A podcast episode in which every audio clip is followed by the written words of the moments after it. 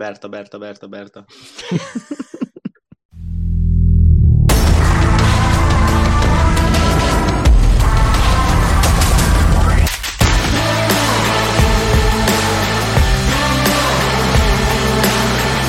Spanyol foci minden héten. Elemzés minden szemszögből. Ez a Lost Trace Podcast. Buenos Aires, srácok, köszönjük, hogy ma is meg fogjátok hallgatni talán ezt az adást. Itt van velünk Imi, a Realista Foci blogtól. Sziasztok! És Bálusz, jelenleg akkor mondjuk a budapesti kender ültetvényekről egyelőre, még mindig nem találtuk meg az ő pozícióját itt a szervezetben, tehát előbb, előbb adtunk neki fizetést, mint szerződést. Szia Bálusz! Sziasztok! Ez már meg is érkezett a számlára? Nem nagyon csipogott a... Ah, nem, majd akkor csipog, amikor már a mínuszból kijön. Na, és Az, én pedig az mind, amit kaptál. Én pedig Pongi vagyok az atleticomadrid.hu-tól. Kezdjünk is az állításokkal. Valaki más, mert én csak most találom ki. Megint? Amúgy tudod, hogy múltkor is elfelejtetted, megbeszéltük, hogy adás Múltkor közben kitalálsz bizony, egyet. Bizony, bizony. kettőt is ki kéne találnod. Szerintem akkor most egyet kifogok, és legközelebb kettővel készülök már előre. Jó, és én meg kellemetlen leszek, akkor te hallgassd vissza az eddigi adásokat, és te írogasd össze, a... hogy kinek mi az állítása. nem, nem, azt a, azt a Akkor- Bálusz csinálja. Jó, viszont akkor kezdem én. Mm, Spanyolország második helyen végez a csoportjában. Ezt így már a következő meccsekre, vagy a következő hetekre előre. Tehát, hogy én azt állítom, hogy Skóciát nem sikerül megverni otthon, és utána se lépnek majd előre a skótok maradnak a tabella élén, vagy a csoport élén. Ezzel nem tudok vitatkozni.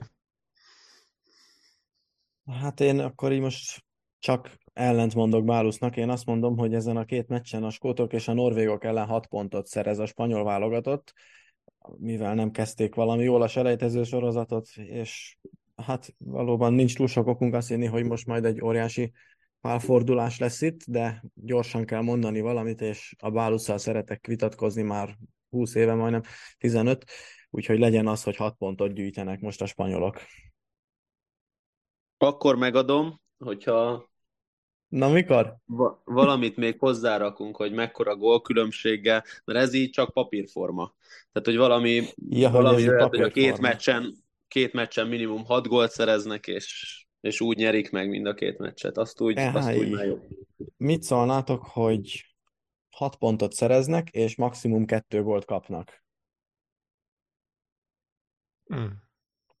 Túl Skóci- nagy a hatásszünet. Jó, akkor egy, ma, maximum egy gólt kapnak, és 6 Egy, pontot azt úgy, szereznek. azt úgy, Na, ez ha már már kettőt, eléggé akkor már Jó. nem nyersz. Hat Ez már kettőt, eléggé akkor vad. Jó, Oké. most eh, nagy vallomással jövök engem, olyan nagyon-nagyon végül is nem érdekel, hogy megnyerem-e a tippversenyt, úgyhogy én azt mondom, hogy legyen. Tehát mostantól már nagyon alkudozós leszek. Oké. Én szeret, szeretném, az Imi, Iminek ez volt a kis liblingje, hogy legyen ilyen rész, és én nagyon szeretném látni azt, amikor ő a szezon végén boldog. Ó, nagyon örülök neki. Még jobb lesz, hogyha ezek után veszítek. Ezt csak mondtam, lehet, hogy közben meg mindent megteszek, hogy én nyerjek. Oké, akkor ebben a hiszemben fogok maradni. Én pedig akkor hoznám az állítást. Pro- progresszív labdacipelésekben 10 forduló múlva három rájátékos is ott lesz az első tízben, hogy ezt azért megalapozzam, mert nyilván ezt az ember nem tartja fejben. Mondom a jelenlegi állást. Az első tízben két Real Madrid játékos van, Rodrigo az első 42-vel, és Fede Valverde a hatodik 36-tal. A következő rájátékos a 21. helyen van Vinicius, és igencsak le van maradva, mindjárt mondom.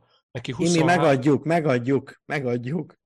E, De azért, jár azért végigmondom, az, végigmondom csak azért, hogy miért gondolom így. Tehát neki 23 van, tehát le van maradva most jelenleg 6-tal, és az előző szezon végét megnéztem, és ott sem volt ö, 10-ben három rájátékos, csak kettő, úgyhogy ez egy elég szélsőséges helyzet lenne, de én, én úgy gondolom, hogy a Vinicius most a következő időszakban fel fog füvelni, és akkor talán-talán ő is bekerül.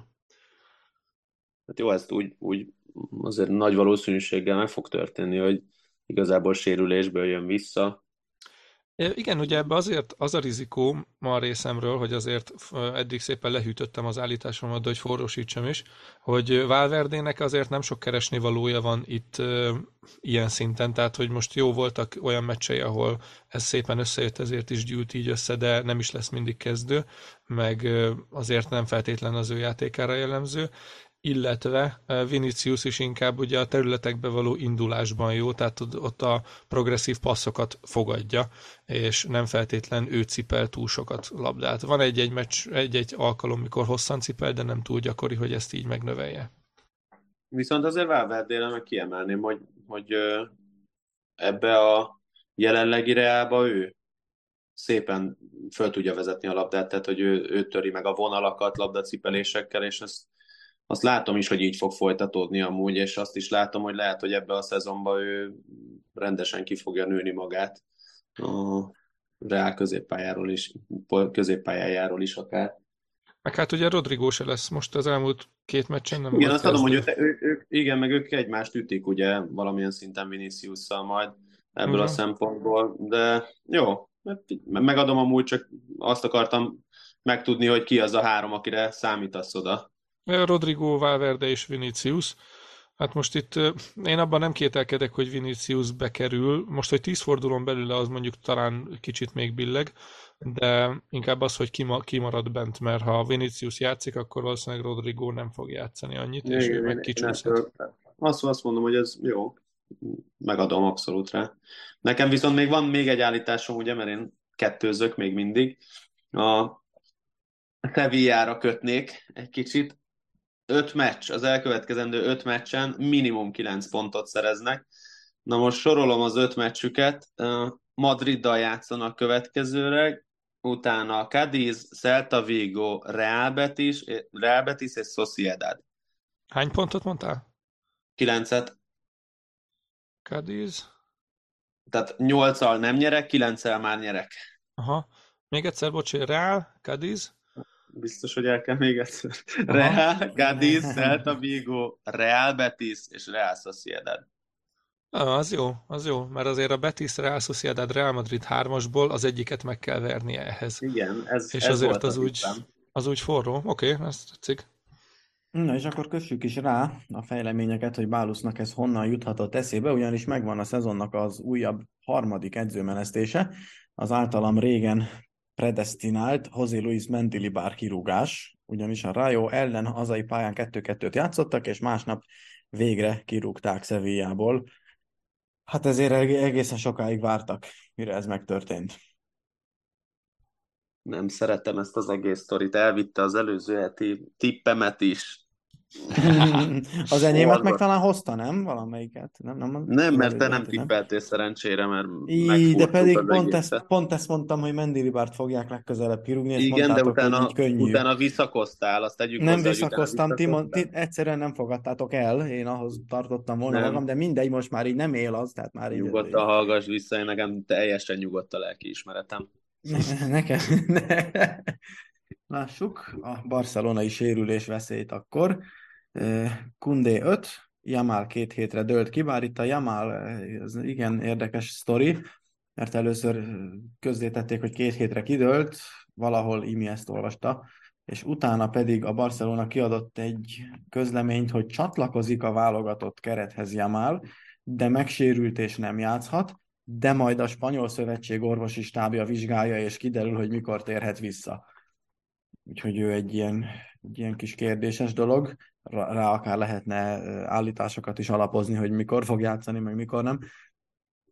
Úgyhogy ők hát amikor, ki. Igen? Amikor, amikor nem fog a gatyájába csinálni, és most nem attól, hogy az ellenfél játékosaitól csinálja össze magát, nem ugye itt a hétközi meccsen volt egy szép kis sztori, de ezt még rakjuk el a közösbe. Amúgy hozzátenném, hogy Leva, Leva is kidőlt egy hónapra, vagyis hogy uh-huh.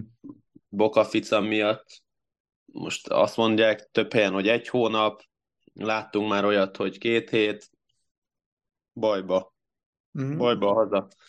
Ez eddig, igen, ez így, ez azért komoly nevek, bár csak néhány, és azért még mindig az Atlétikónál majd, hogy nem kijönne egy kezdőcsapat, ráadásul egy nagyon ütőképes kezdőcsapat a sérültekből. Madridban mi van, mi a Azt helyzet azért, mi azt ott? azért Igen? én, én még, még ráköthetek, tehát hogy értem én, hogy nálatok se jó a helyzet, de jelen pillanatban ennek a Barszának a tengelyét vették ki, úgy egy az egybe. Tehát Az mondjuk Koundé- igaz, hogy az Atlétikon, akire a szárnyjátékot építik, meg akik most jó formában lévő befejezők, meg remek formában lévő középső középpályások, azok elérhetőek, bár egyébként némelyik azért van a pályán, mert sérült az, aki ott lett volna eleve.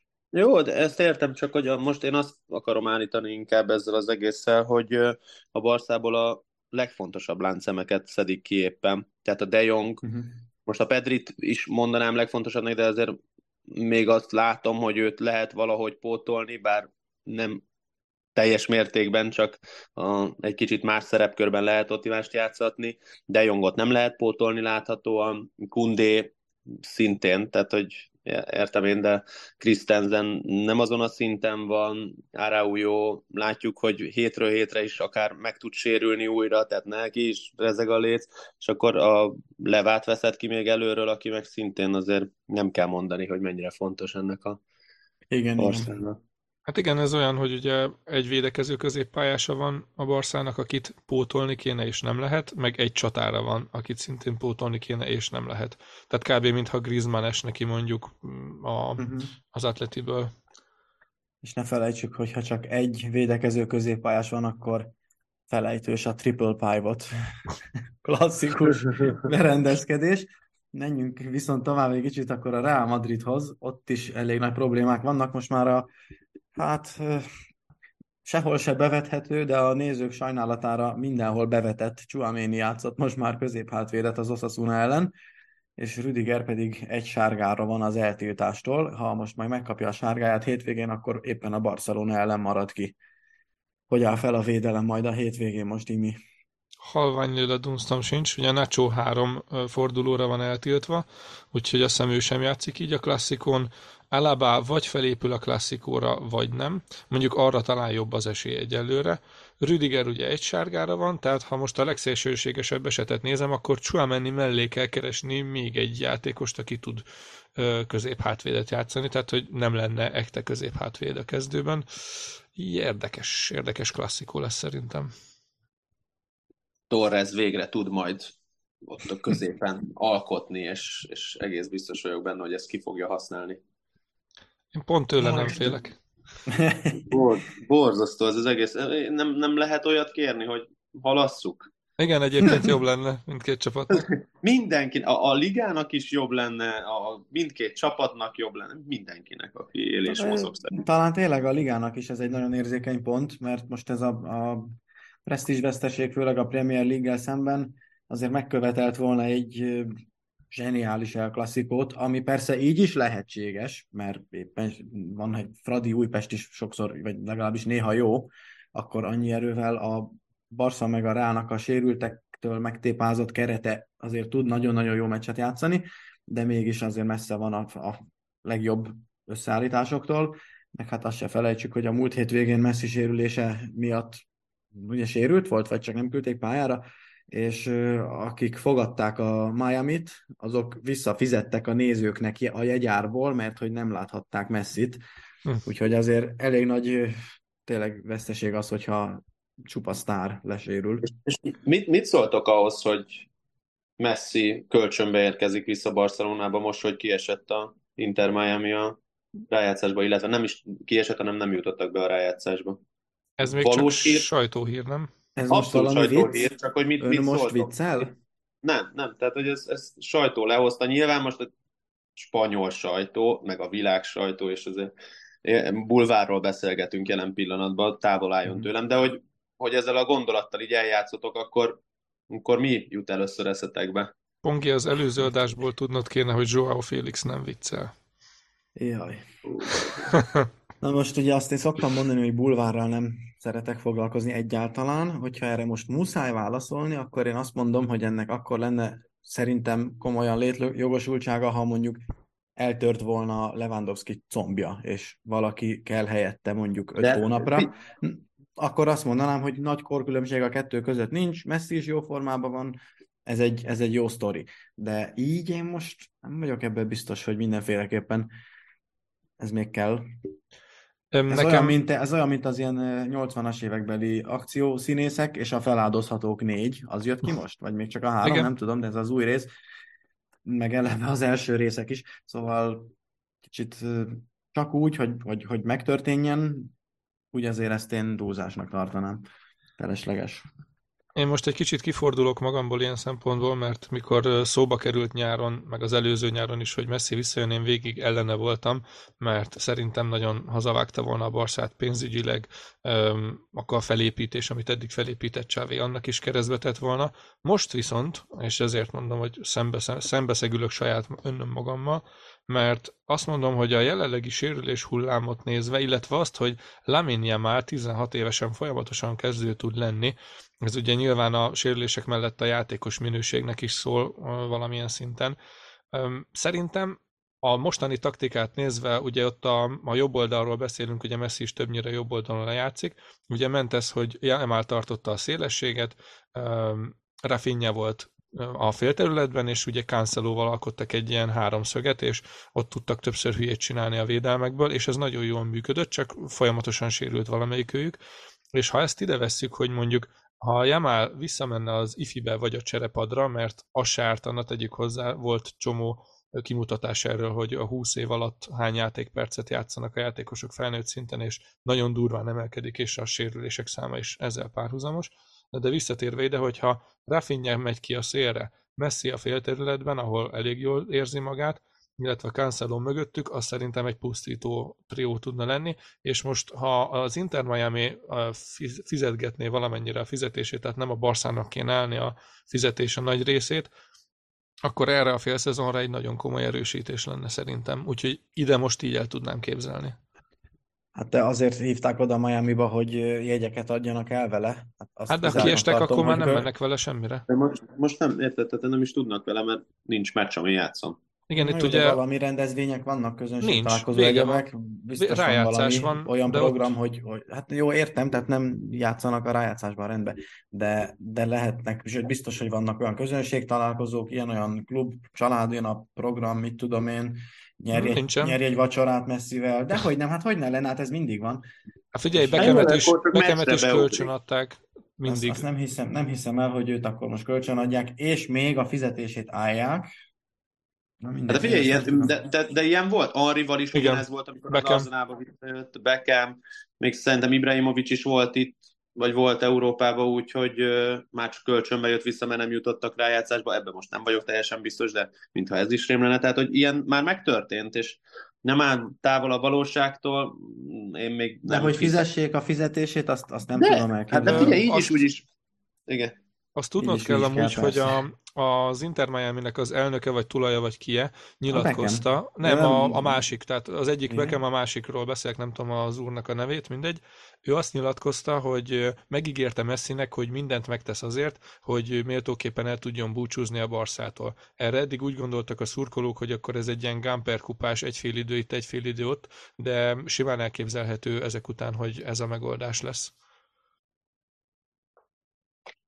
Üdvözítő gondolatok. Ez már egyébként egész más megvilágításba helyezi, és egyébként a Mas testvérek, Jorge Mas és José Mas a tulajdonosai még Bekemen kívül. Ah, ha, ha valaki ezt is pont tudni akarta, vagy ha majd kérdezik, a legyen ön is milliómosban, akkor most már majd tudjátok. És akkor, ha már szerződés, akkor Diego Simeone az, aki órákon belül hosszabbíthat az Atlético Madriddal, még könnyen lehet, hogy ma este, azaz hétfő este meg lesz a bejelentés. Az új szerződés 2027-ig szól, ő és a teljes stábra. Amit tudni kell, hogy ez akkor ugye négy évre 100 millió euró bruttó, ami évente 25 millió, ami sokkal kevesebb, mint az eddigi 40 millió bruttó évente. És akkor itt egy egy nagyon elterjedt tévhitet is szeretnék eloszlatni, miszerint Simone lenne a világ legjobban fizetett edzője, ez nagyon messze van a valóságtól. Ezekben az összehasonlításokban úgy szokták ezt szerepeltetni, hogy a, az eddigi 40 millió bruttót, amit a teljes 20 fős stáb kapott, azt írták csak és kizárólag Simeone nettójának, tehát egy, egy, egy teljesen fals számmal dolgoztak, és, és könnyű volt ilyenekbe belefutni és, és elhinni, hisz valaki egy ilyen összeállítást ír, akkor nyilván nem gondolod azt, hogy össze-vissza beszél. Viszont ezt a 40 millió bruttót is 25 millióra csökkentenék a teljes stáb részére, úgyhogy, úgyhogy nagyon drasztikusan csökken a fizetés, hát ami érthető is, ide megint egy érdekes adalék, hogy most az Atlético nem csak, hogy sokkal, sokkal kisebb pénzből gazdálkodik, mint a Real meg a Barcelona, hanem körülbelül fele annyi a költségvetése a klubnak, mint a Premier League 15. helyezettjének. Úgyhogy azért ehhez, ehhez érdemes azokat is viszonyítani, amikor, amikor valaki rossz májúan odaszúrja, hogy nincsen nyolc szuper világsztár a pályán egyszerre, meg hogy, meg hogy miért nem 90% a labdabirtoklásunk, mint a Barcelonának a negyedosztályú kupa ellenfele ellen, meg, meg ilyenek. Hát azért, mert ez, ez most körülbelül az szurkál, a szint, amikor... Szurkál szépen, szurkál szépen. Ö, nem, csak nyilván nem fogom azt mondani, hogy a Barcelonának mondjuk a Villarreal ellen, mert az egy nagyon nagy hülyeség lenne, hogy ha azt mondom, hogy ott 90% a labdabirtoklás. Előbb kimondtam a 90%-ot, és utána találtam ki hozzá, hogy milyen meccset mondjak, mert azért az meg nagyon nagy baromság lett volna, hogy azt mondanám, hogy minden második meccsükön, mert azért elég sokat mondtam. Szóval, hm, hogyha, hogyha a Fradi most megnyeri a konferencia ligát, akkor az körülbelül egy olyan teljesítmény, mint, mint amikor az Atlético bajnok ebből a, ebből a keretből, pénzügyi keretből, és azért nem lehet azt mondani, hogy, hogy rossz társaságot sikerült összehozni, most már több mint tíz éve folyamatosan. Fogunk beszélni a Barca meccséről, de itt a Granada ellen 81%-ban birtokolták a labdát vasárnap. Uh-huh, így van. És a, uh, uh, arról fogunk még beszélni, és az igen, nagyon érdekes, az kettő-kettő tudott lenni. Gyorsan fussuk át a hétközi meccseket, ami, ami érdekes lehet. Hát főleg csak Ojárzabál miatt, akinek most már biztos, hogy mindenki nagyon jól ismeri a nevét, aki a Real Sociedadban gólt szerzett, és így megverték ö, Ausztriában a Salzburgot 2-0-ra. Ő most már 26 éves, és érdekes, hogy ő még sosem játszott igazi sztárcsapatban. Igen, nekem, nekem az a most meghosszabbított, vagy nem most, még a sérülése alatt meghosszabbították a szerződését 2028-ig. Nekem inkább az az érdekes, hogy a Sociedad hogy tervezi a kereteit évről évre. Tehát azért Oyarzabal egy 310 meccs, 80 plusz gól, 50 plusz asszisztal rendelkező játékos, és a nagyban segíti jelenleg a Sociedadnak a, a szezonját is, az elmúlt öt meccsen öt góllal nagyban hozzájárul ahhoz, hogy szépen a Sociedad ott van, ahol már évek óta folyamatosan, de hogy, hogy az az érdekes nekem, hogy így megnézegettem az eladásait a Sociedadnak, és igazából olyan attól függetlenül, hogy folyamatosan nagy játékerőt képviselnek, dominálnak a bajnokságban, nemzetközi kupaporondon is dominálnak, ahhoz képest az eladásaikon ez nem látszik, és hogy látszik, hogy mi, vagy vélek felfedezni ebben valami stratégiát, és nagy valószínűséggel nekik tényleg most az a legfontosabb, hogy, hogy szakmai sikereket érjenek el, és nem pedig az, hogy eladásokból szedjenek össze milliókat. Nyilván erre a tavalyi év egy kicsit rácápol, rácáfol egy embernek a eladásából 70 milliót sikerült összeszedni. Ugye Iszek ment el a Newcastle-be, hagyjuk is, hogy a nem, nem, inkább ebben nem megyek ebbe a mondatba veled, de hogy, hogy milyen klubok meg mennyiért igazolgatnak, de, de hogy azért érdekes, hogy, hogy nem is gondolkoznak láthatóan. Most nyilván a 70 milliót senki nem gondolkozott el, hogy annyiért el kell adni Iszakot, de hogy, hogy esetleg Olyár Zabelért, illetve többiekért mikor jelentkeznek be, illetve hogy 26 éves azért bennem már dolgozna egy kicsit az, hogy, hogy a 310 meccs után értem én, hogy helyi vagyok, ebbe a klubban növelkedtem, neki az Eibárba volt még valamilyen utánpótlás jelenléte, tehát hogy, hogy tényleg a Sociedadnak a nevelése. Mm, kíváncsi lennék, hogyha ő egy másik klubba kerülne ott, ott milyen teljesítményt tudna nyújtani. nem akarom, hogy elkerüljön a La Ligából, azt nem látom, hogy a La Ligán belül váltson klubot valamiért, nem gondolom, hogy ő a Reálnak, a Barszának, az Atletikónak már szerintem érdekesebb lehetne, de, de azt se látom, hogy az Atletikó érte óriás pénzt fizetne, nyilván megint csak a klubnak a gondolkodásából ez nem is biztos, hogy adódik, hogy ők valakiért nagyon nagy összeget fizessenek, akkor megadódik, hogy nyilván ő vagy Franciaországba egy klubhoz megy, vagy Anglia felé veszi ő is az irányt, és, és megnézhetjük a Premier League-be. Mi a véleményetek róla, illetve az, hogy látjátok-e azt, hogy ő meg fogja mutatni magát, vagy végig? Sociedad, és itt törekszik meg, Joaquin 2. Nekem két rövid gondolatom van. Egyrészt a baszk klubokra jellemző ez a fajta politika, vagy keret, keretpolitika mondjuk így, a Bilbaóra is, a Sociedadra is, másrészt meg nem ismerem hmm. olyan ebbe, az emberi oldalát. Mondjad?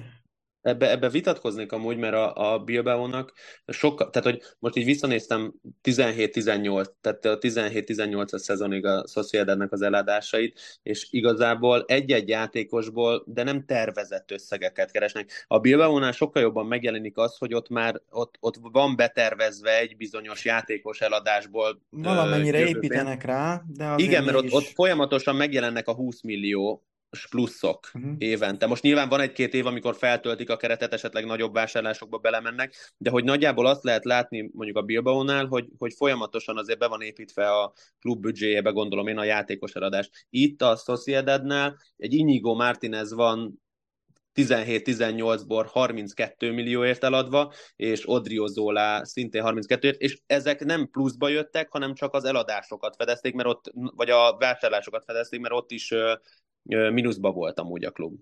Uh-huh. Hát egyébként itt csak a, arra fűznék rá, hogy mondtad, hogy ugye éjszakon kívül sem volt nagyon hajlandóság eladásra.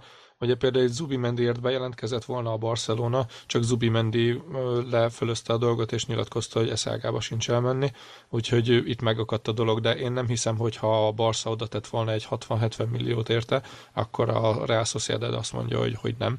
Szóval biztos, hogy odaadták volna annyiért. Inkább csak az, hogy szerintem, amit itt mondtatok is, megvan ez a baszk mm, tömeges életérzés, hogy együtt mi itt milyen jól meg vagyunk ahogy a Bilbao-nál úgy itt is szerint, meg ugye most jól megy nekik, negyedik hely meg volt, BL-ben vannak, azért, ha most a Járzabát is megnézed, a BL-re hajtó csapatok közé nem férne be.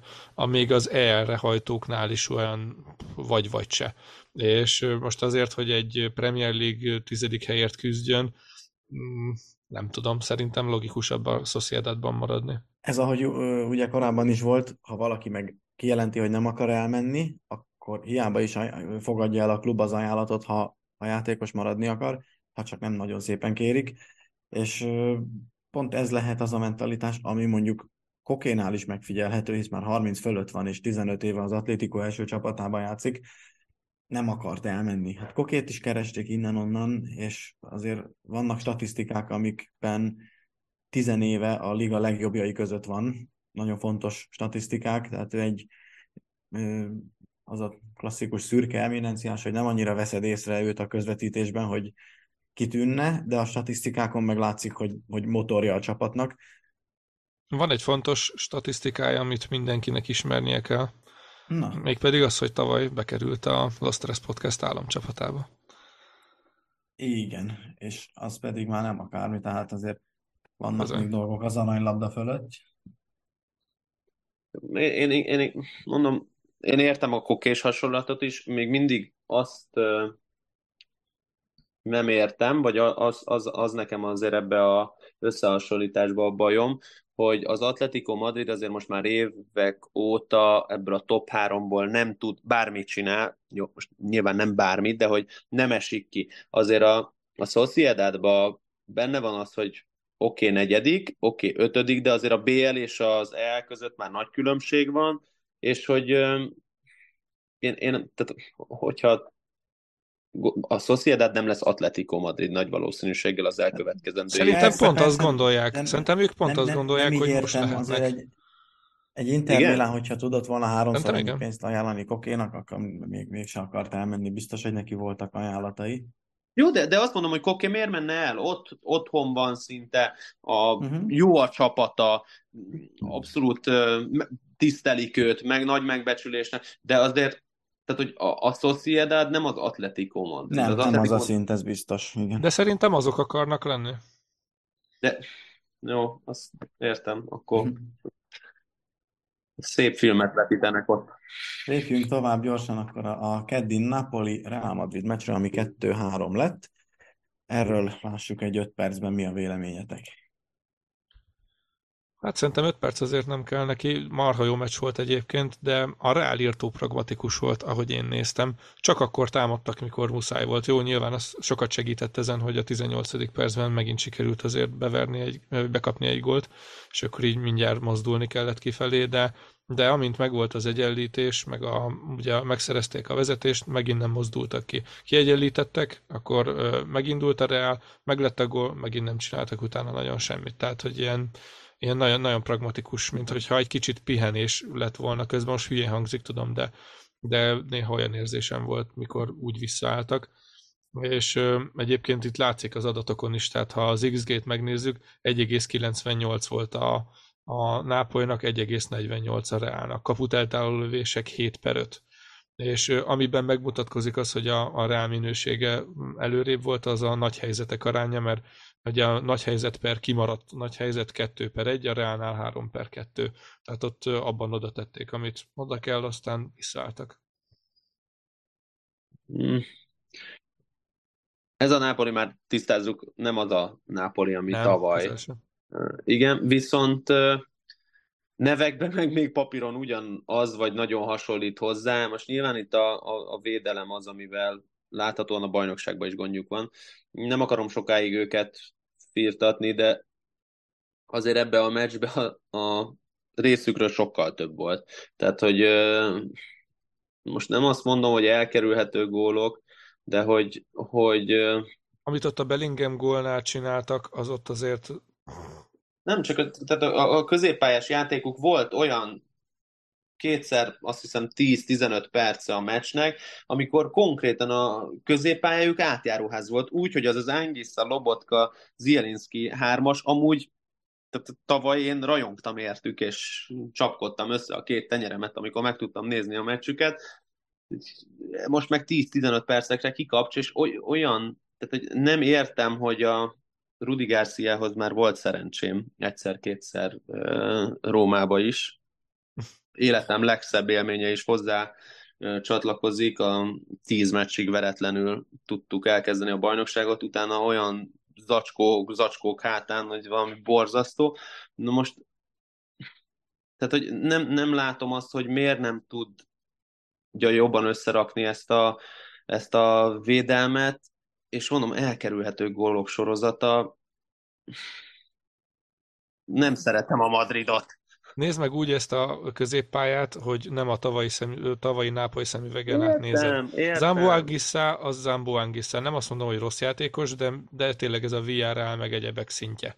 A, a Lobotka, ugye Lobotkáról a tavalyi szezonig senki nem hitte el, hogy ennyire jó, és valahogy inkább most is az érződik, hogy tavaly tette őt a rendszer ennyire jóvá, és hogy idén már megint nem annyira. abszolút adom. Igen, tehát hogy ne, nem annyira jó játékos, mint amennyire tavaly kinézett. Zselinski meg szintén nagyon jó játékos, de ő sem feltétlen egy top csapat szintje. Tehát most, ha ezt összeereszted a, a Bellingham, Chouameni, Valverde hármassal, tehát hogy nem meglepő azért, hogy időnként sikerült átjáróházat csinálni a, a Reálnak. Jó, mondjuk visz, viszont amennyivel jobbnak kellene lenni a Reálnak, csak így a nevek alapján, az meg ezen a meccsen nem jött vissza azért, sőt. Ezért is mondtam, hogy nagyon pragmatikus volt a, a játék, ott az, az nagyon meglátszott. Egyébként még akit ki akartam emelni, Rüdiger, hogy a tavalyi City meccsen volt az az elsőn, hogy ugye ő játszott, és Haalandot fantasztikusan fogta, és most is ráállították Osimerre, és élete nem volt a srácnak. Volt egy fejes, aminél Osz, uh, Rüdiger szépen lecsúszott róla, viszont egyébként meg nagyon jó hatást tanított egész meccsen, úgyhogy a csávónak megvan az a skije, amit a, amit a Reálban kell, hogy, hogyha mit tudom, most a Barca elleni meccsre, akkor rá lehet állítani Lewandowski-ra, ha nem sárgázza ki magát. Ja nem, Lewandowski-ra nem biztos. Igen, nem lesz, de igen. De azt mondják Jó. egyébként, hogy vagy fölépül addigra, vagy nem, az még, még benne van, hogy 50-50. esetleg. 50-50. 50-50. Jó, igen, értem, Oszimen se ugyanaz a játékos, talán, mint, meg nyilván most itt le, spanyol podcastet csinálunk, de azért ennyit szabadjon már, ha már BR-ről beszélünk, hogy ugye ott nagyon nagy gondok vannak, fegyelmezési gondok TikTok is fronton? Oszimennel, igen, tehát hogy ott most már szerintem mindenkit, akit lehetett magára haragított az öltözőben és a, a front office-ban, úgyhogy itt is kukorica a kézbe, eszegessük és nézzük, hogy milyen bolondsággal teszi tönkre a karrierének ezen fázisát, mert azért valljuk meg, hogy Nápoly nem az a hely, ahol ezt egy ilyen kedves elnök majd megsimogatja, jól van drága, akkor menjél tovább a következő klubodba 40 millióért, újakat vágnak meg, stb. Na mindegy, meglátjuk. Reméljük, hogy ilyen nem lesz. De menjünk tovább, mert ez még mindig csak a hétközi meccs volt. Szintén kedden volt a PSV Eindhoven Sevilla, ez 2-2 lett. Szerencsés körülmények között sikerült döntetlent elérnie az andalúzoknak, viszont a 95. percben kapták az egyenlítő gólt, tehát a statisztikák alapján szerencséjük van, hogy 2-2, de elég szerencsétlen időpontban kapták az egyenlítő gólt, és akkor ezután történt még a hétvégi 2-2 a Rayo ellen, ami miatt már ez az ugye a Mendilibár vesztét okozta, azt még csak éppen említsük meg, hogy ott meg Enne a 96. percben szerzett egyenlítő volt, és akkor még nézzük az Atletico Madrid Feyenoord, egy teljesen botrányos meccs volt igazából a, hát az Atletico szempontjából. 3-2-re nyertünk ugyan, de, de teljesen, teljesen leuralta a meccset a Feyenoord, ami igazából majd, hogy nem hát nem, nem tudom, meg, megengedhetetlen, és utána a hétvégén pont ugyanígy jártunk. Szóval ez a, ez a hét, ez most hát nézzük a pozitívumokat, mert túlságosan sok jót nem lehet elmondani ezekről, csak azt, hogy meglett ez a meccs is, meg meglett hétvégén is a győzelem a Sociedad ellen, ott meg 89. perces Griezmann büntetővel, de mind a két meccset nyugodtan egymás mellé lehet tenni, mint hogyha ez egyetlen egy nagyon hosszú meccs lett volna, mind a két meccsen, az egyiken a Feyenoord uralta le a meccset, a másikon a Sociedad, bár ott még legalább egy kicsit jobban nézett ki a, a statisztika, az XG, meg a lövések száma. Hát, hogy egy pozitív gondolattal zárjam az Atlético hetét, ezekre a meccsekre szoktam mondani, hogy amikor pocsék formában vagy, amikor semmi se jön össze, amikor rosszul is játszotok, akkor is azokat a meccseket így vagy úgy, de fogat összeszorítva és vért izzadva ki kell szenvedni valahogy egy egygólos győzelemre, mert így tud az ember eredményt elérni, és így tud egy csapat csak bajnok lenni, vagy egyáltalán bajnok aspiráns, hogyha ezeket a meccseket ki tudja valahogy szenvedni, hát ez most legyen a csapat dicsérete, hogy, hogy sikerült.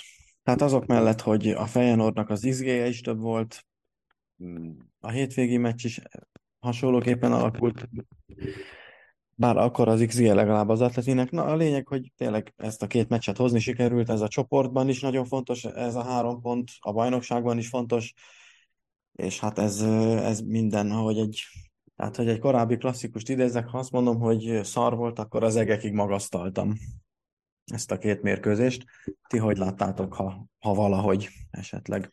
A Sociedad meccset annyiban nem kötném a Feyenoordoshoz, hogy ott a, amiatt, hogy meglett a vezetés viszonylag hamar, így nem volt már annyira érdeke az atletinek tolni. A Sociedad meg annál azért jobb csapat, hogy így se tudja átvenni az irányítást, úgyhogy én amiatt azt mondom, hogy ott, a, ott az Atletico pont azt csinálta, amit kell. Most az, hogy rá kellett -e ülni az egy az egy másik kérdés, de védhető dolog, nem, hogy nem, soha nem kell, és mindig ez történik, és utána, ha kapsz hmm. egy gólt, akkor mit csinálsz? Csak azt mondom, hogy az is egy az védhető... utolsó pillanatban kapsz egyet, védhető, és a foci akkor nézhető? Úristen. Oké. Okay. mentem. Nekem jobban tetszik, amikor még utána hármat lövünk. Na, mindegy. Persze. De nem lehet mindig 7 0 győzni. Hát nem, de nem is lehet mindig az 1 0 ráülni. De ne kerülgessük már el ezt a, ezt a fejenordos moratágolt, mert ez nekem nagyon izgatja a fantáziámat. Ugye volt egy ilyen Mbappé gól Spanyolország ellen nemzetek ligája, döntő talán, vagy már nem is emlékszem, hogy melyik, de pont a spanyolok ellen, hogy ugye a Saul lesen volt, és azért ért bele a védő, hogy Saul ne kaphassa meg a labdát. Viszont pont így tálalt ezzel a úgymond belepiszkálással Moratelli, aki viszont nem volt lesen és beverte.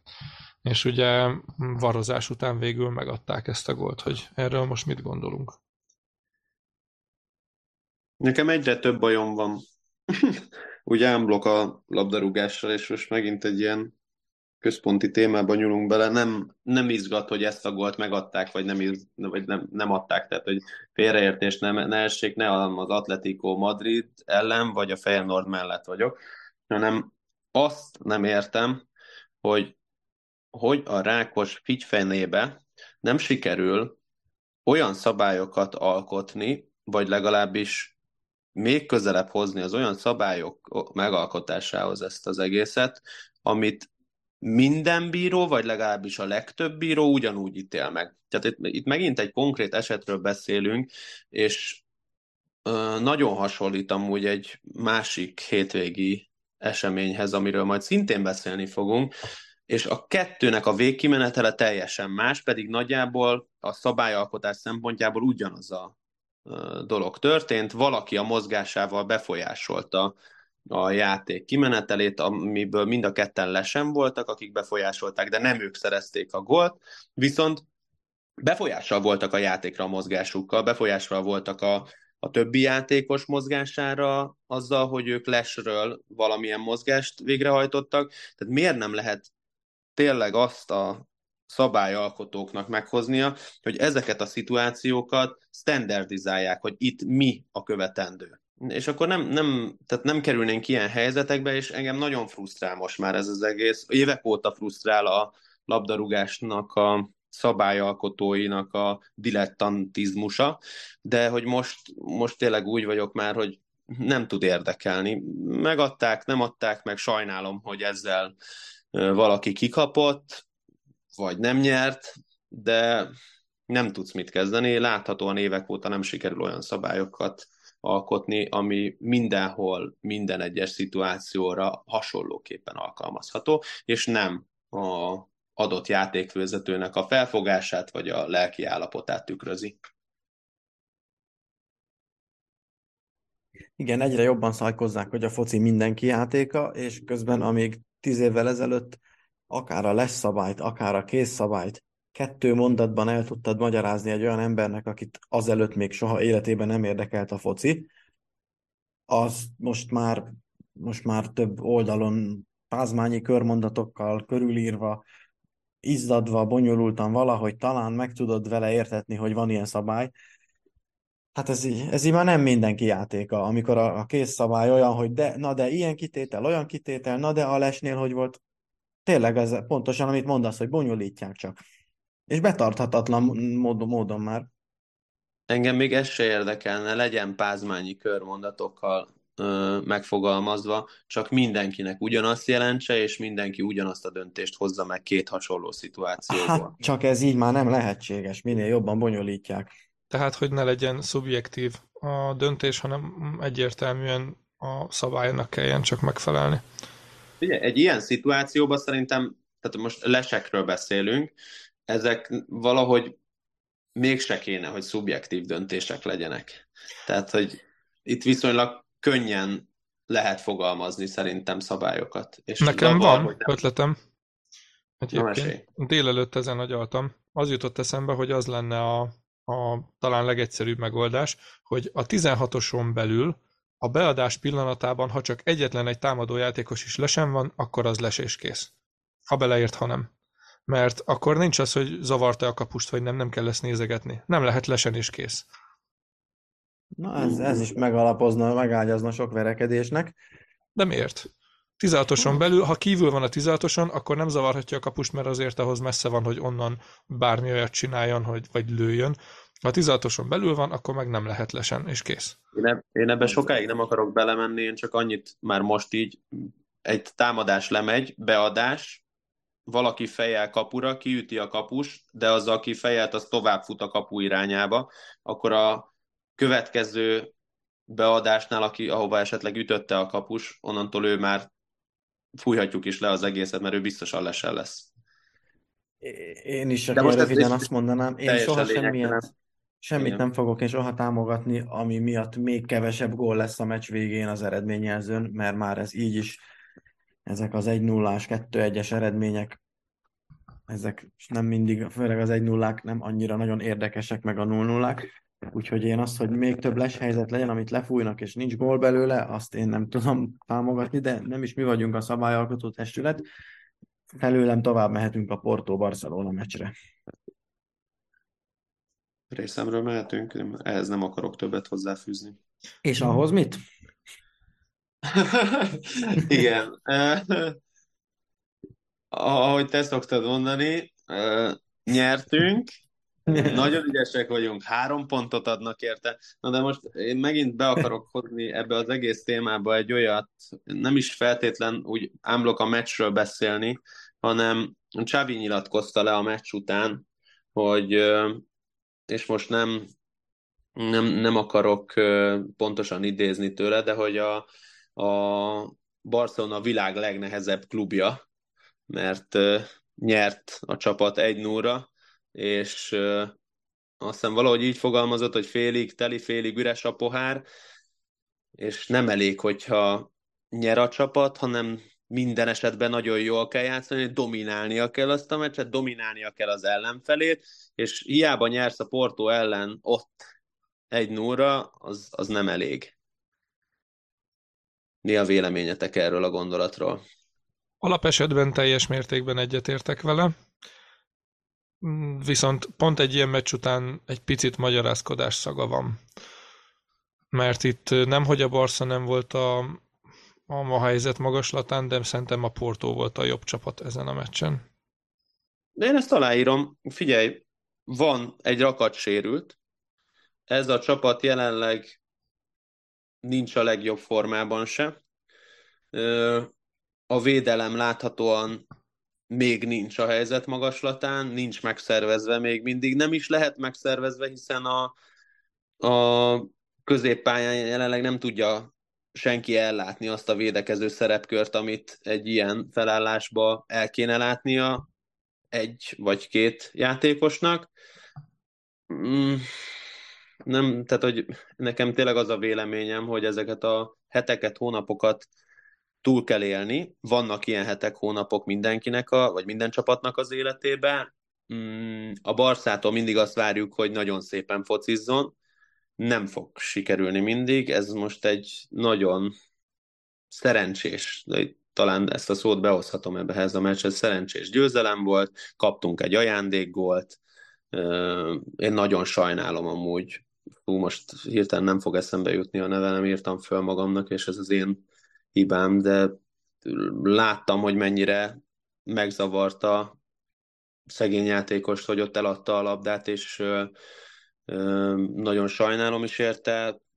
Sajnos ilyenek el tudnak dönteni egy, egy hasonló meccset, két, azt mondom, hogy hasonló csapat találkozott egymással, és ez nem szégyen szerintem, mert jelenleg a Barca azért, hogyha végignézzünk a neveken, mm, papíron jobbnak kéne lennie a Portónál, de azért, hogyha megnézzük azt, hogy ki mennyi meccset játszik, hogy a húzó embereknek hány percet kell pályán töltenie, és folyamatosan hogy kéne teljesítenie, akkor már megint számon lehet kérni azt, hogy oké, okay, de ennyi meccset nem lehet full intenzitáson pörögni, nem lehet legjobb tudásból lehozni. Itt sajnos ez, általában ezek a, a sorozatterhelések azoknak a csapatoknak tesznek jók, akik nem a kreativitásra, vagy nem feltétlen csak a kreativitásra építenek, amelyik csapat a kreativitást és a, hogy mondjam, ők akarják diktálni a játéknak a menetét, azoknak sajnos a sorozatterhelés nem mindig tesz jót, illetve úgy kell kialakítani a keretet, hogy, hogy tudjanak folyamatosan rotálni elől. Jelen pillanatban annyi sérült van, hogy nem lehet rotálni elől.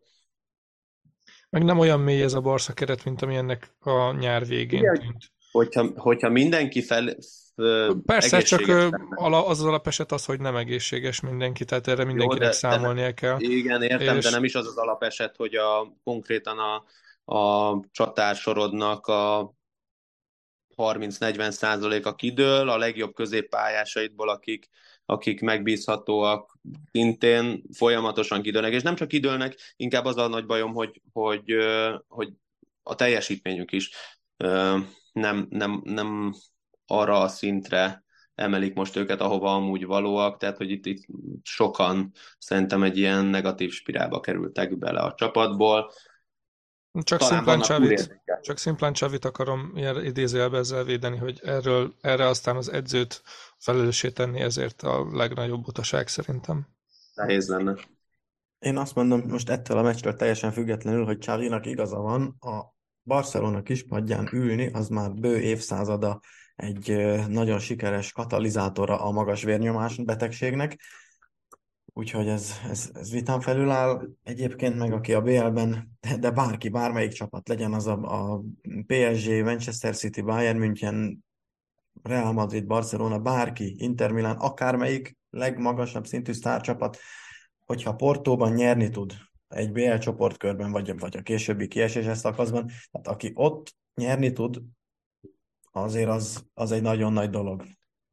Hogy ez most éppen nem olyan nagyon szépen jött össze, vagy, vagy 6 0 vagy 1 0 vagy akár hogyan is, de aki ott nyerni tud, annak még hogyha el is kell utána gondolkodnia esetenként a csapatjátékán, de olyan sokáig magyarázkodnia semmiképp.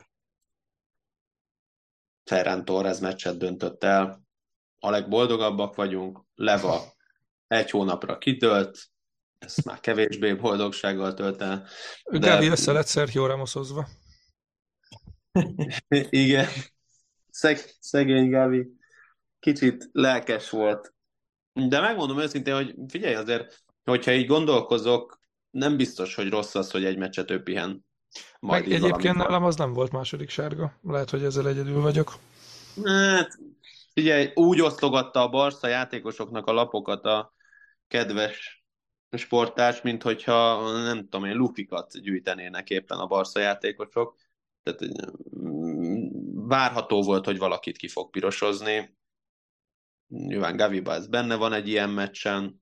Csak így a piros miatt egy, egy, egy egyszavas választ kérek, hogy tudjunk tovább menni. A Cancelo kezezés előtti kezezés, nem kezezés, ugye végül nem lett az a videózás után. Szerintetek az kéz volt, vagy vál? Hmm. támadójátékos részéről. De, de ez is, ez is, miért nem lehet megfogalmazni, hogy mindenki ugyanazt gondolja? Van egy varrás azon a fránya pólón, akkor legyen az, hogyha a varrás alatt hozzáér, az már kéz. És akkor nincs baj. Vagy akkor mondjuk azt, hogy a mez alatti rész az már kéz.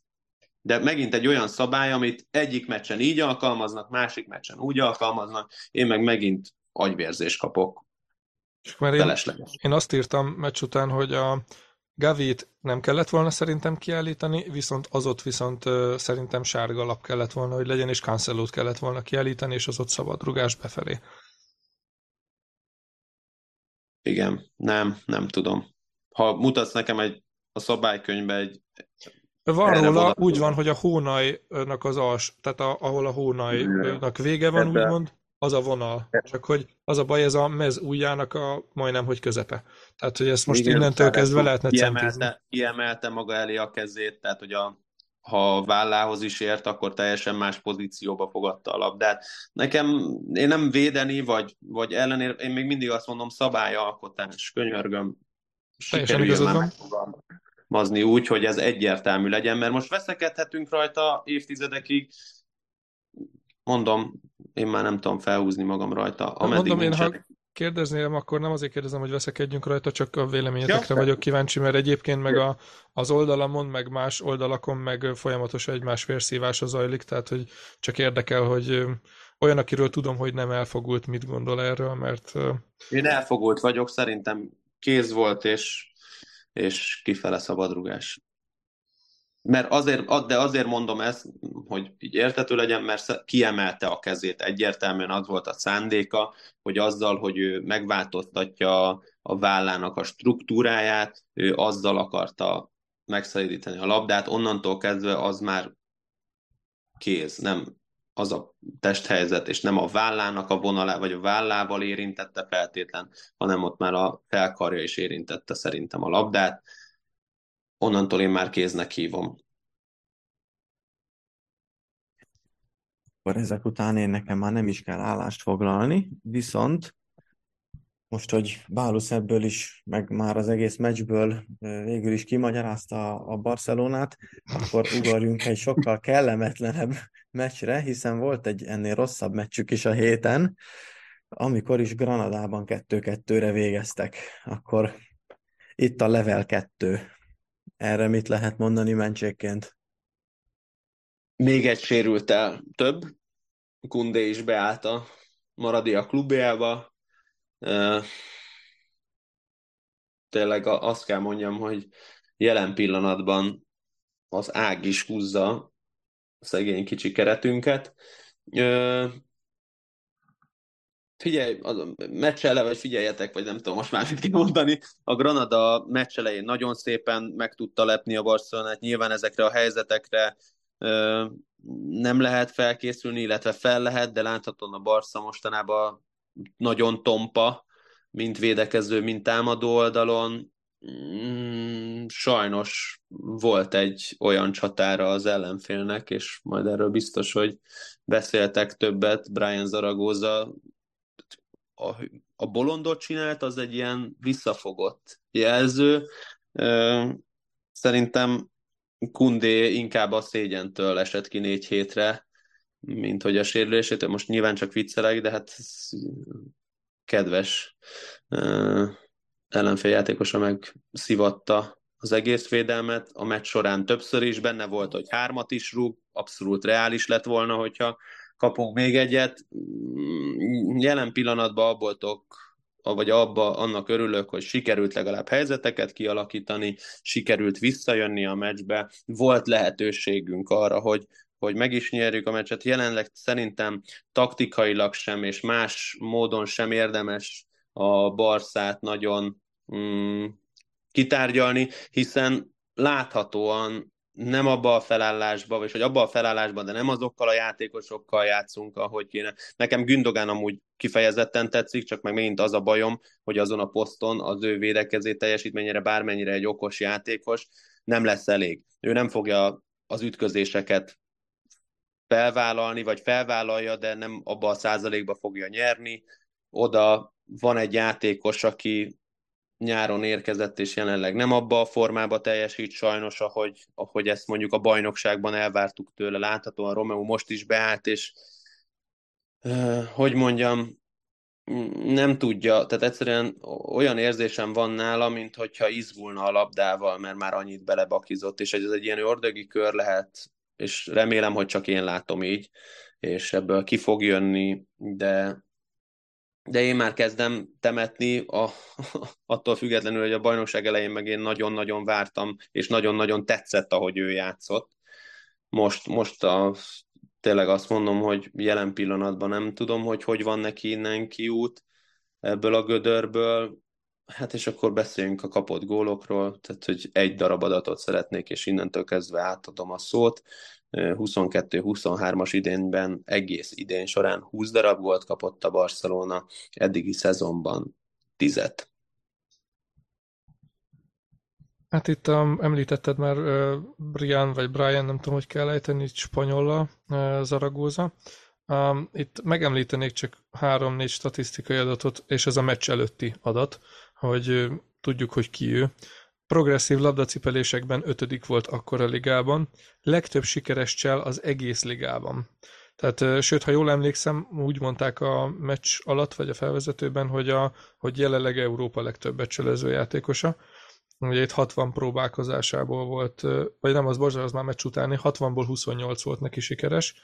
A lövésig vezető akciók indításában 9 várható gólpasszokban 21 a ligában, tehát hogy nem, nem rossz pedigree a sráctól, és most is elég jól megmutatta, hogy a befejezésekhez is jól ért, úgyhogy én nagyon meg lennék lepve, hogyha ő a következő szezont, vagy akár már a tavaszt a Granadában töltené. A, annyit még akarnék itt a meccshez hozzáfűzni. A ex-Real Madrid játékosok mind elmehetnek a francba, de komolyan. Tehát akik a Real ellen játszanak, éppen azok mindig gólt lőnek a Realnak. Ha meg olyan meccsen játszanak, ahol a Realnak jó lenne, hogyha jó játszanának, ott meg bénáznak, mint a hülyék. Mind a kettő. Callejon és Vallejo beálltak csereként, és egyből kiegyenlítette a Barcelona, úgyhogy mind a kettő eldobta magát. Callejon konkrétan neki szaladt a Barca játékosnak, és eldobta magát, és mind a kettő ott színészkedett. A Barca meg simán ugye berakta a második gólt, úgyhogy gratulálok innen is. Én még, én még egy fél másodpercet, hogyha a bíró kutyázásával tölthetek, akkor kérlek szépen, hogy engedjem ezt meg magamnak. Tehát, hogy őszintén elegem van abból Barca meccseket nézve, hogy a, a beindulásokat a védekező csapatok úgy próbálják hatástalanítani, hogy ütköznek olyan testhelyzetbe a beinduló játékossal, ahonnan a vakoldalról érkeznek. Én szerintem ezt büntetni kéne. Tehát, hogy valamilyen szinten szabadrugásokkal lehet, hogy egy-két büntető is beleesne, de utána nem fordulna elő ilyen. Most is többször volt. Nyilván ez a Getafénak ugye a fő fegyvere. Bordalász, mocskos, bordalász.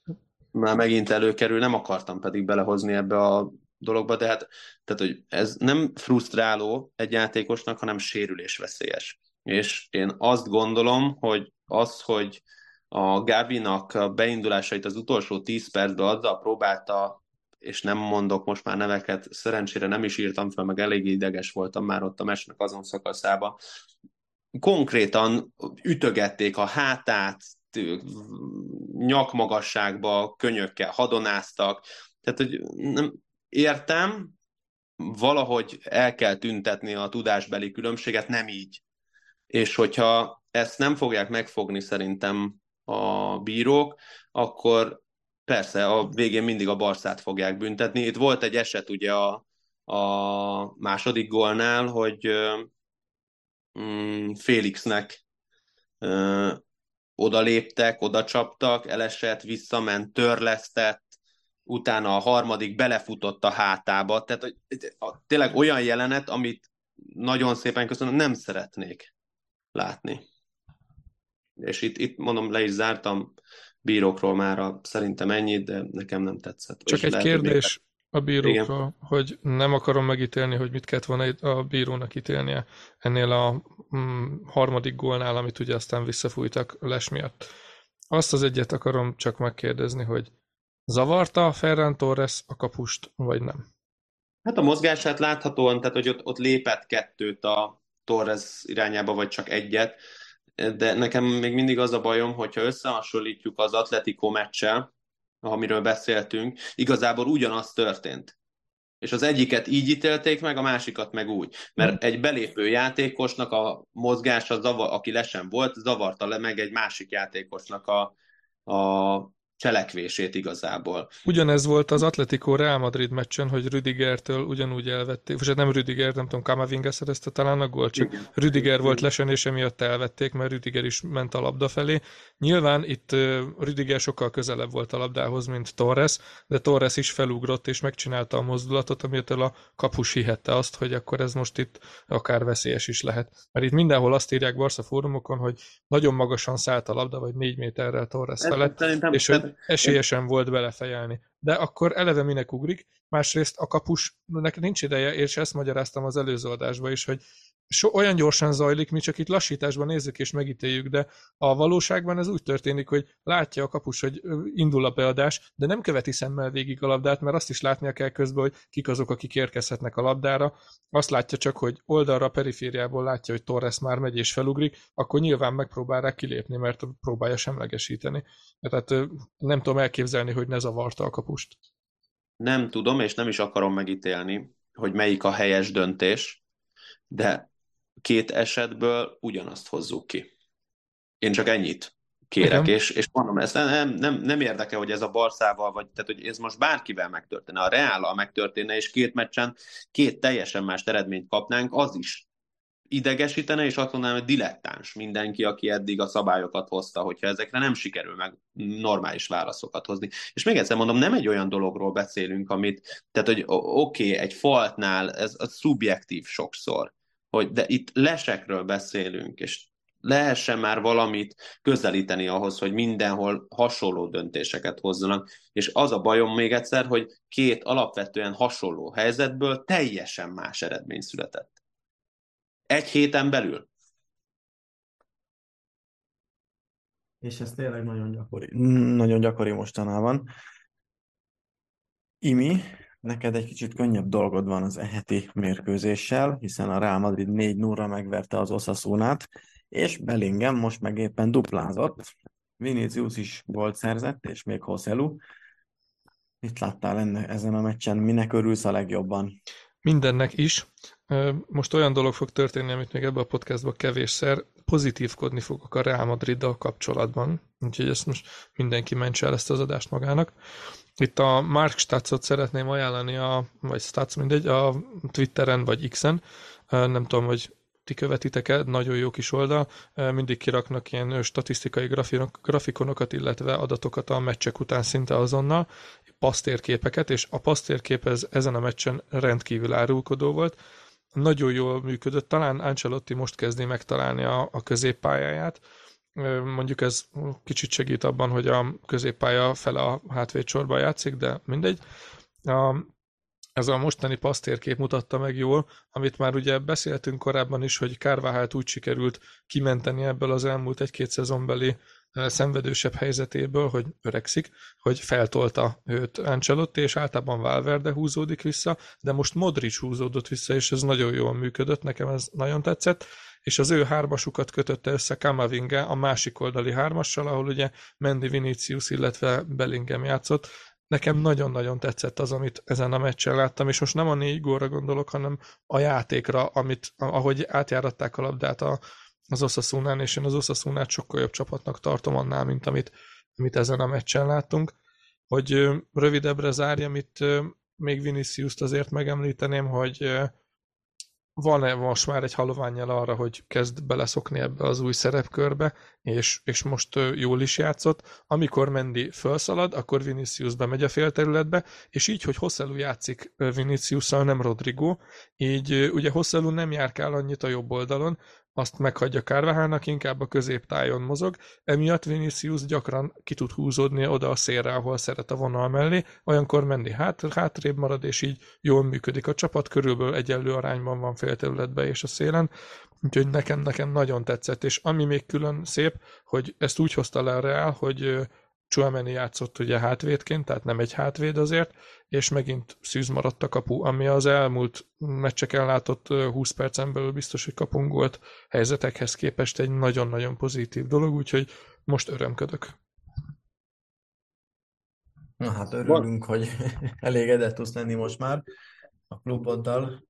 Gondolom sok fenyegetést kaptál, és főleg azért van ez. Hm, igen, megijedtem csak. Kamu az egész. Az, az Osasuna amúgy nagyon komolyan beleállt ebbe a meccsbe, tehát hogy nagyon jó taktikával felkészültek. 0,16-os XG-t sikerült összerakniuk, és én értek mindent, nem létezik. Hogy ezt sikerül összerakni, de hát biztos most már összeállt a Madrid, és innentől kezdve világuralom. Hát ha az nem is, de ez most, ez most nagyon pozitív megy előre, és Árta Güler megint visszatér a, a, az, mi ez válogatott szünet után. Viszont a Real Sociedadot sikerült legyőzni, méghozzá, hát ugye, hogy már volt egy kicsit szó róla, ez egy 2-1-es győzelem 89. perces büntetővel, hát legalább azt szintén ki lehet emelni, hogy Griezmann maga biztosan értékesítette, a statisztikák. Az az érdekes, hogy itt 63% a, a labda a Real Sociedadnál volt, de mégis, ahogyha az XG-t nézzük, akkor az Atlétikónál két és fél, a Sociedadnál csak egy és negyed, tehát hiába, hogy több mint kétszer annyit támadott a Sociedad, abból több mint kétszer annyi volt veszélyes támadás, ez a meccs azért nem volt annyira kaotikus, mint a Feyenoord elleni, tehát itt azért sikerült valamennyire, még ha ez nem is látszott magán a meccsen, hogyha valaki csak úgy leül megnézni, akkor nem így tűnt esetleg élőben, de mégis valamennyire sikerült azért félig meddig kézben tartani a dolgokat. Inkább meddig, mint félig, csak rosszul nézett ki. Tehát hiába, hogyha a, a védekezés nagyon jól működik, akkor is baromi szarul néz ki, hogy 150 támadása van, körülbelül 149 a Sociedadnak, és, és 69 a hazai csapatnak meg hogy 46 veszélyes a Sociedad részéről, 21 a hazaiaknál, ez ez mindenképpen rosszul néz ki. Akkor is, hogyha ez a taktika, hogyha ez ki lett találva, hogy ráülünk, meg mit tudom én, ez nem jó, ezt nem jó nézni annyira, mint hogyha, hogyha akarna rúgni a csapat négyet. Na de hát mindegy. A, erről ennyit. Végül Én azért ez így, így, így szeretnék csak így óvatosan hozzászólni, hogy, hogy, hogy azért ebbe az Atletikóba több volt benne ebbe a, ezen a meccsen. Tehát, hogy én, én tehát, hogy ebben jobban látom azt, hogy egy felépített gondolatmenet volt a, a egész meccstervel kapcsolatban. A Feyenoord ellen ezt sokkal kevésbé láttam, hiszen uh, úgy gondolom, hogy a Feyenoord ellen ők arra készültek, hogy ők fogják dominálni a meccset, és sikerül. Egyáltalán nem jött össze, igen. Igen, mert, mert szerintem a Feyenoordot sokan még alábecsülik jelenleg. A, mindegy, ebben megint csak nem akarok belemenni, mert akkor nem uh, uh, spanyol podcast lennénk, de hogy uh, itt ezen a meccsen egyértelműen az volt a szándéka, hogy uh, a Simeonének, hogy átadja a kezdeményezést, és onnan a kontrákat szépen végigüti a széleken, ami tök jól is sikerült, ha csak itt a, az expected gólokat ugye megnézzük, 2.36 sikerült az Atletikónak, 1.27 a, a Sociedadnak, úgyhogy én azt mondom, hogy ezek, ezek működtek is, bár tehát, hogy nem, nem kifejezett kontrák voltak ezek, a támadások mégis szépen egy ütembe sikerült végig vezetni a, a támadásait az Atletikónak, úgyhogy ez, ez, én, én azt mondom, hogy ez egy jó mester volt, és sikerült jól végrehajtani. Most nyilván a szerencsét megint behozhatjuk a képbe, de a foci az általában szerencse is kell. Sikerült végrehajtani, csak az, az a baj, hogy ez a meccsterv, és, és rendszeresen ilyen a meccsterv. De, de miért? De biztos vagy benne, hogy ezzel a kerettel? Tehát, hogy akarsz te egy hát miért ez egy rossz keret? Ez nem de, de ez egy Real Sociedad Kifejezetten jó keret. Tudom, ez egy nagyon jó csapat a Real Sociedad, de ezt nem, nem csinálja mégsem a Barcelona, akinek most azért talán nincsen de más, más, más, kerete. Más pozíciós Mindegy. játékról beszélünk az egyik oldalon, a másik oldalon meg sokkal inkább egy, egy alkalmazkodó átmenet fociról. Reaktív ami foci. Most, igen, ami most már azért kezd alkalmazkodni mindig az ellenfélhez is, de még mindig arról kell beszélnünk, hogy azért ők, ők nem ők akarják diktálni a tempót, hanem, hanem tényleg csak reagálni az ellenfélnek a gyengeségeire, és azokat kihasználni. És ez, ha megnézzük, azért az jól mutatja, hogy a elmúlt öt meccsből öt darab győzelmet sikerült összehozni. Értem, hogy mindig szerencse is volt benne, meg fordítások, meg stb., de, de azért öt meccs az már egy nagyobb minta ahhoz, hogy, hogy csak azt mondjuk, hogy, hogy szerencse van az atletikóval. És értem, amit mondasz, csak szerintem Atletico szurkolóként nem realitás, hogyha Simeonétól azt várod el, hogy ő majd dominálja a meccseknek a 90%-át. Nem ne tudja. a 90%-át, de amikor azt úgy dönt, akkor azért az jól szokott kinézni. Dominálja a Cadiz ellen, a Hetafe ellen, meg a Granada ellen, is amúgy de, de a, a Real Sociedad ellen szerintem nem kell. Az 1 0 előny az azt jelenti, hogy hagyhatják kinyílni a Sociedadot, és le lehet őket kontrázni, amiben az Atleti nagyon jó. Úgyhogy jó mester volt, csak nem sikerült a kontrákból összehozni a második gólt, de végül csak meglett.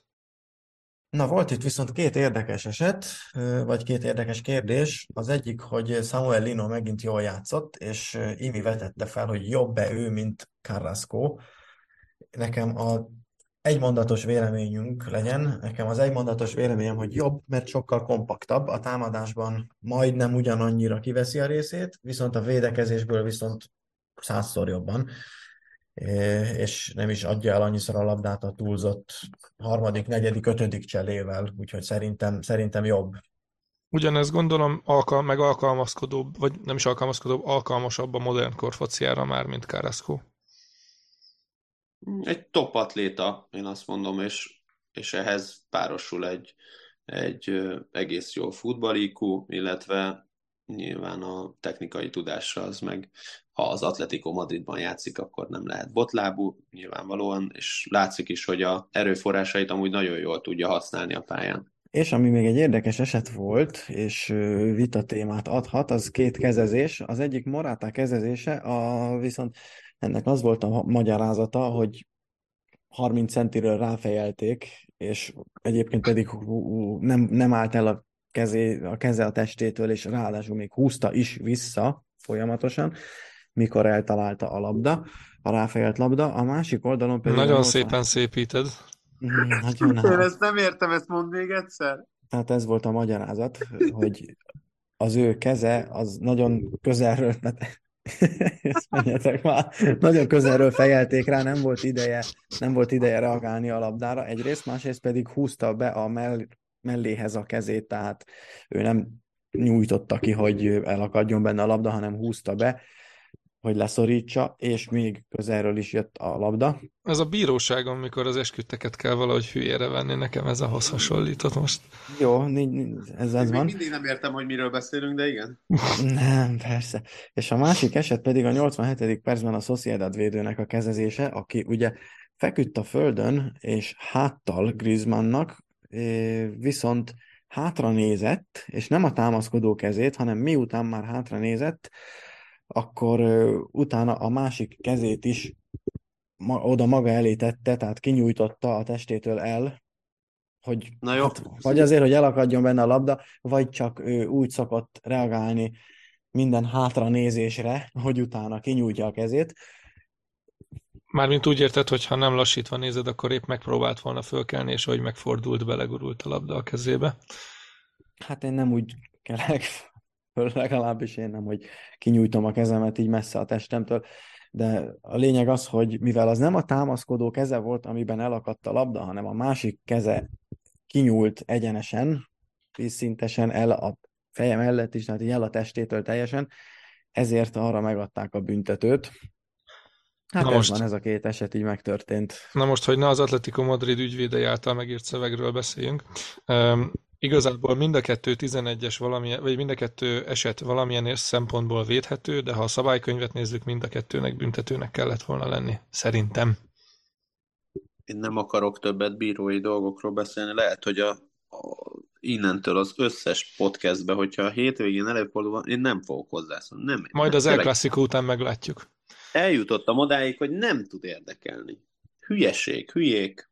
Bocsánat, hogy ez, így van, ez viszont igen, dilettáns az egész. Viszont, viszont azt szeretném jelezni kedves hallgatóinknak, hogy felkérünk titeket, hogy legyetek nézők is, és ezt a két képet meg fogjuk osztani, mert én nem tudom elképzelni úgy, hogy nem láttam ezt a meccset, hogy Pongi most miről magyarázott, mert már én mindenhova megpróbáltam felrajzolni magamnak, hogy ki melyen pozícióba volt, de nem értettem. Úgyhogy kirakunk majd két képet, és ti is döntsétek el, hogy melyikért adtatok volna büntetőt, melyikért nem. Tehát akkor ez a csináljunk ki minek munkát újabb epizódja. Nem, nem, ezt Pongi csinálja, ezután, hogy így el tudta magyarázni, akkor csinálja meg a két képet. Ja, Na, azt fogjuk a csinálni, Facebook hogy a Youtube-. Így van, a YouTube összefoglalót fogom megosztani, és abban megtaláljátok. Én azt ki fogom írni, hogy hány másodperctől nézitek az egyik, meg a másik esetet, és akkor ott annyiszor játszátok vissza, amennyiszer akarjátok, mert az az, az, az Iminek a hobbija, hogy nagyon sokat dolgozzon dolgokkal, nekem nem.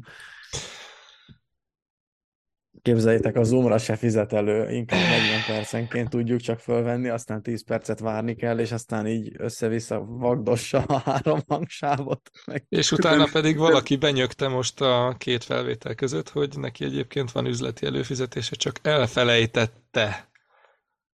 Ez csak a 18. adás volt, úgyhogy Meg kellett várni, amíg nagykorú lesz az adás most, hogy már 18, így most már elmondtam Iminek, hogy egyébként nekem a cég az Ugye? előfizetett a Zoomra.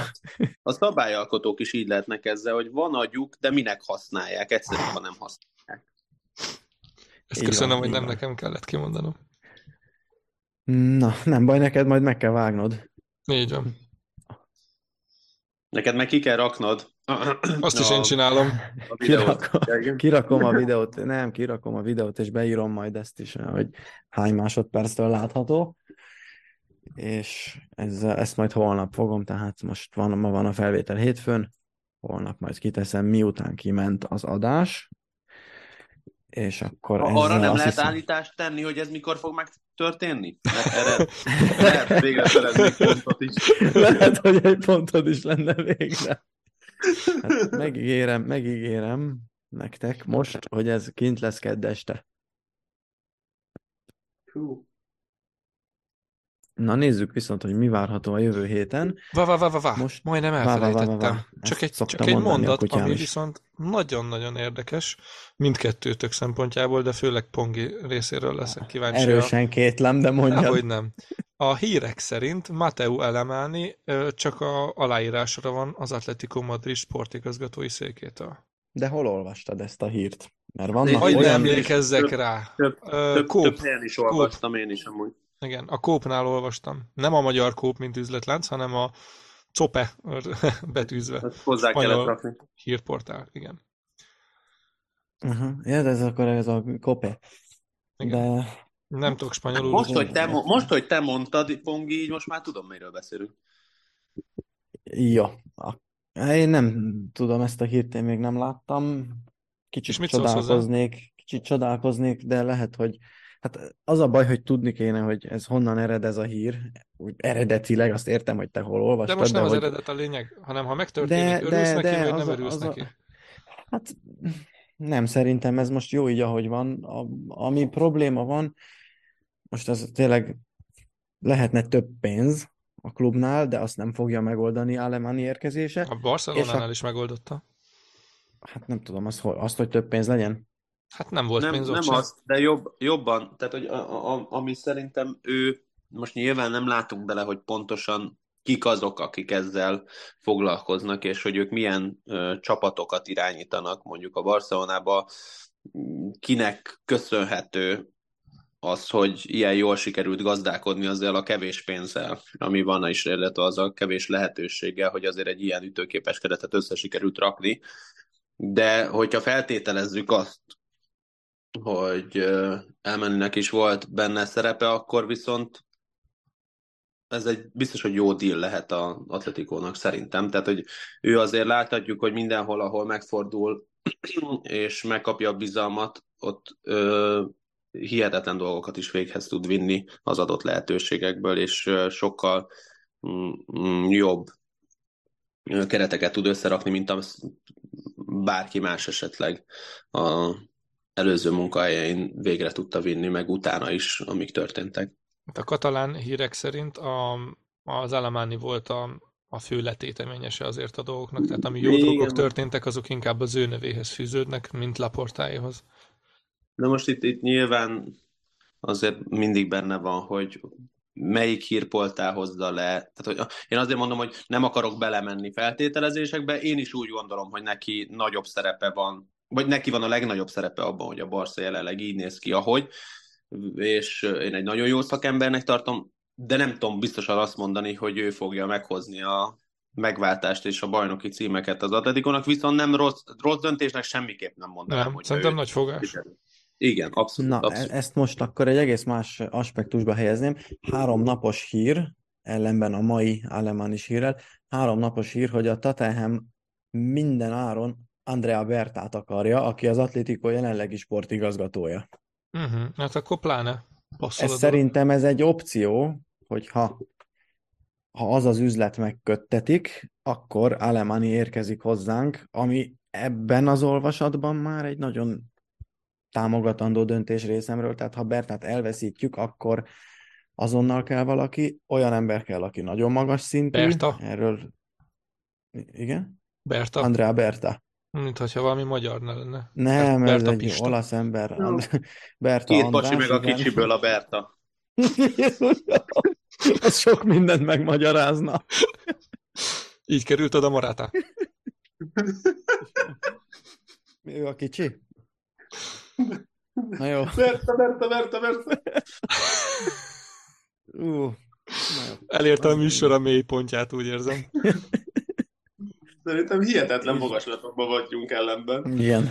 Így, hogyha mi elveszítjük a sportigazgatónkat, akkor rögtön kell valaki, olyan ember kell, aki bizonyított már, meg ezen a szinten meg is felel az elvárásoknak, és akkor én nagyon örülnék neki, hogyha Alemani jönne, és nem pedig elkezdenénk így hirtelen keresni valakit, vagy oda tenni valakit, aki talán tud ott jól teljesíteni. Így akkor, így akkor már érteném, és támogatnám is. Én ennyit mondok.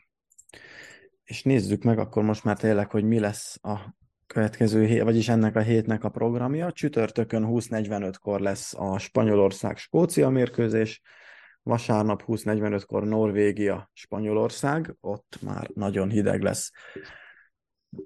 És az elköszönésre pedig egy új formációt hozott be Imi, amit neki meg is hagyok, hogy mutasson be. Hát nagyon új formáció, igazából csak sorba rendeztem, hogy ne össze-vissza mondjuk őket. De, Igen, de igen, köszönöm szépen a állandóan Rendezkedik, feladatot. dolgozik rajta. Hát valakinek muszáj rendszerez. dolgozni ezzel, Valakinek amikor muszáj ezzel, igen. Na mindegy, Azért hagyom szóval, meg neked, mutasd meg, hogy hogy kell. igen, szóval kövessetek bennünket akkor a Facebookon és az Instagramon is, minden, mind a két helyen megosztjuk majd a, a podcastot, illetve a műsor előzetest, ezt már is elrontottam, ugyanis az is felkerül majd az Instagramra is, Facebookra is, TikTokra is, illetve a YouTube Shorts videók között is megtaláljátok majd. A teljes műsort pedig a YouTube-on, Spotify-on, Apple Podcaston és a Google Podcaston keressétek. Iratkozzatok föl ö, azon a helyen, ahol szoktátok hallgatni az adást. Nekünk ez jó visszajelzés, és örülünk, hogy egyre többen itt tesztek. Köszönjük, hogy velünk voltatok a mai adással, és sziasztok! Sziasztok! Az én elköszönésemben soha nem lesz ilyen sok bötű, ezt megígérem. Köszönjük, hogy ma hallgattatok minket, sziasztok! Berta, Berta, Berta, Berta.